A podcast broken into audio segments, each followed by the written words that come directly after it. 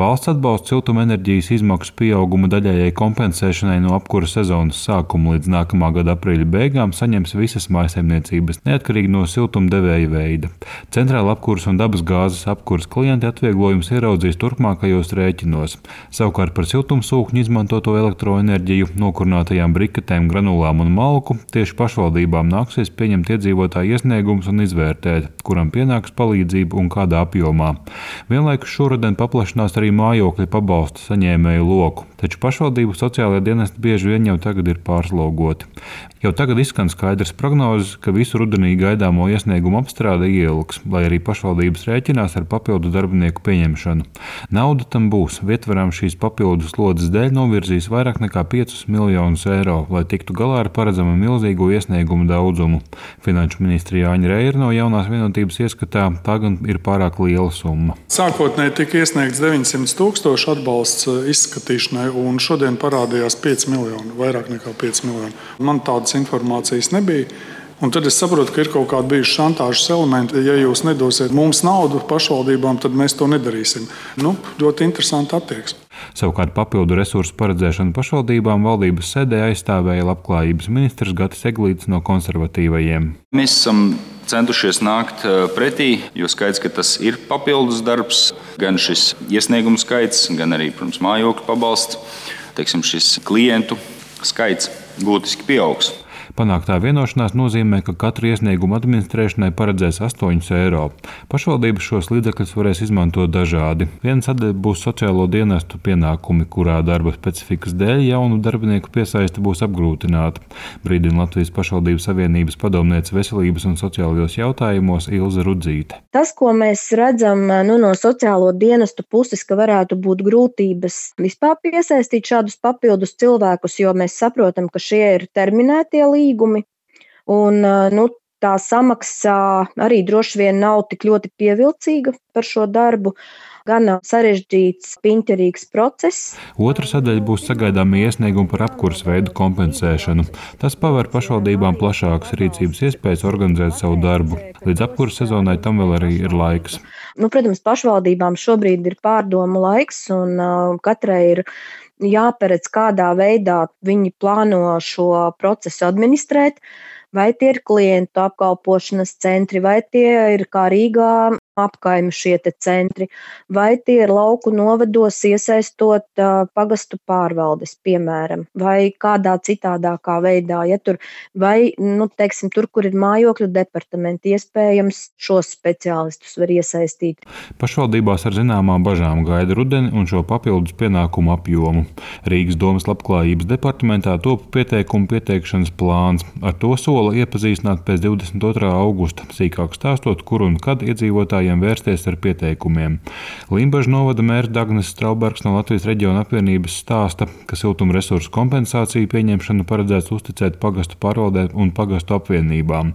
Vietvarā pārunājuši, ka būšot problemātiski secināt, vai iesniedzēja dati par konkrētu apkuras veidu atbilst patiesībai. Tātad pirmkārt no iedzīvotājiem paredzēta iesnieguma. Tur faktiski tās slodzes uz iesniegumu pieņemšanu, varētu teikt, ka to mēs tiksim galā. Nu, vēl šobrīd ir tādas diskusijas, kas nav īsti atrisināts.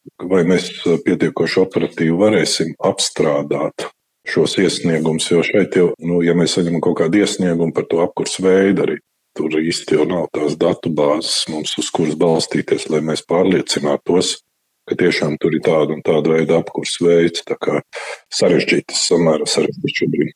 Gan Limbaģa novada mērs, gan arī Ludus novada priekšsēdētājs Edgars Mekšs no Latvijas Zemnieku savienības jaunos pienākumus saista ar lielu slodzi pašvaldību sociālajiem dienestiem.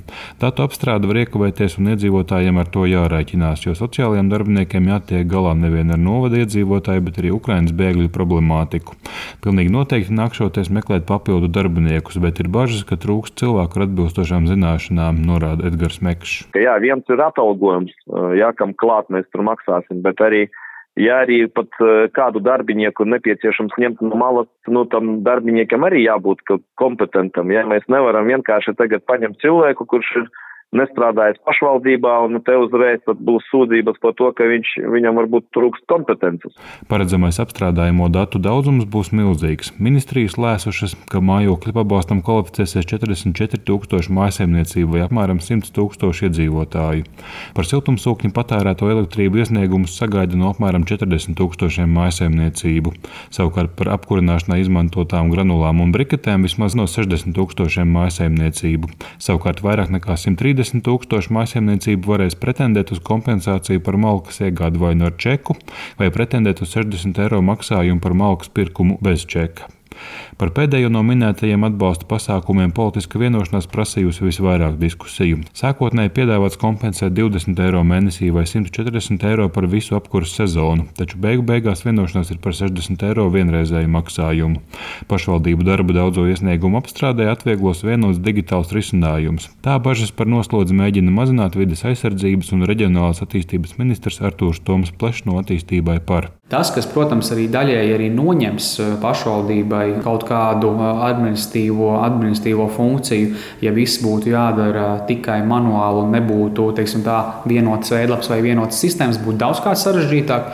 No 1. oktobra būs eh, pieejams digitāls risinājums, kuru Labklājības ministrija arī izstrādās, lai vienoti, centralizēti varētu šīs anketas iesniegumus aizpildīt, lai tādā ziņā šis darbs eh, būtu vieglāks. Ministrijā skaidro, ka katrs pieteikums par malkas iegādes kompensācijām nebūšot jāpārbauda. Maisaimniecības pārstāvim jāuzrāda dokuments, kas apliecina, kam pieder nekustamais īpašums un kāds tajā ir apkurss veids. Visticamāk, nākšoties paļauties uz iedzīvotāju godaprātu, taču pašvaldībām varētu nākt nākties arī pārbaudīt, vai kompensācija par malkas apkuri pieprasīta atbilstoši. Ja pašvaldībai ir aizdomas vai bažas par to, ka atbalsts tiek izmantots negodprātīgi vai cilvēks ir negodprātīgi pieteicies, pastāv teiksim, tā iespēja robežās aiziet pie cilvēka, pārliecināties, vai patiesi viņš tur tiešām dzīvo, vai viņš izmanto vienu vai citu atbalsta veidu, kā ir deklarēts. Tā kā to iespējams es pieļauju pašvaldības arī darīs, un tādas viņa, viņiem tiesības katrā ziņā ir. Vienlaikus ietvers pārstāvošā organizācija norāda, ka darbā ar tūkstošiem iesniegumu lieta nodarīta iepriekš apspriesta datu apstrādes sistēma. Tajā vienopus būtu pieejama informācija no valsts ieņēmuma dienesta un valsts sociālās apdrošināšanas aģentūras par cilvēku ienākumiem, deklarēto dzīvesvietu un mājsaimniecību ienākumiem, kā arī no zemes grāmatas datiem par īpašumu veidu. Tomēr plāns par šīs sistēmas izveidi atlikts līdz nākamajai apkurses sezonai, norāda Latvijas pašvaldības savienības padomniece Ilze Rudzīte. Ja šādu risinājumu izveidot, tas būtu daudz vienkāršāk un es pieļauju daudz lētāk un arī pēc tam izmantojams, jo šeit tur arī parādītos ļoti labi teiksim, ēnu ekonomikas apkarošanas dažādi instrumenti. Pašvaldību pārstāvji apzinās, ka problemātika līdz ar siltumapgādes kompensāciju un mājokļa pabalstu pieprasījumiem vislabāk būs jaušana no oktobra, sākot iesniegumu pieņemšanu. Līdz tam vēl šajā procesā iespējami arī dažādi tehniski precizējumi. Jānis Kincis, Latvijas Radio.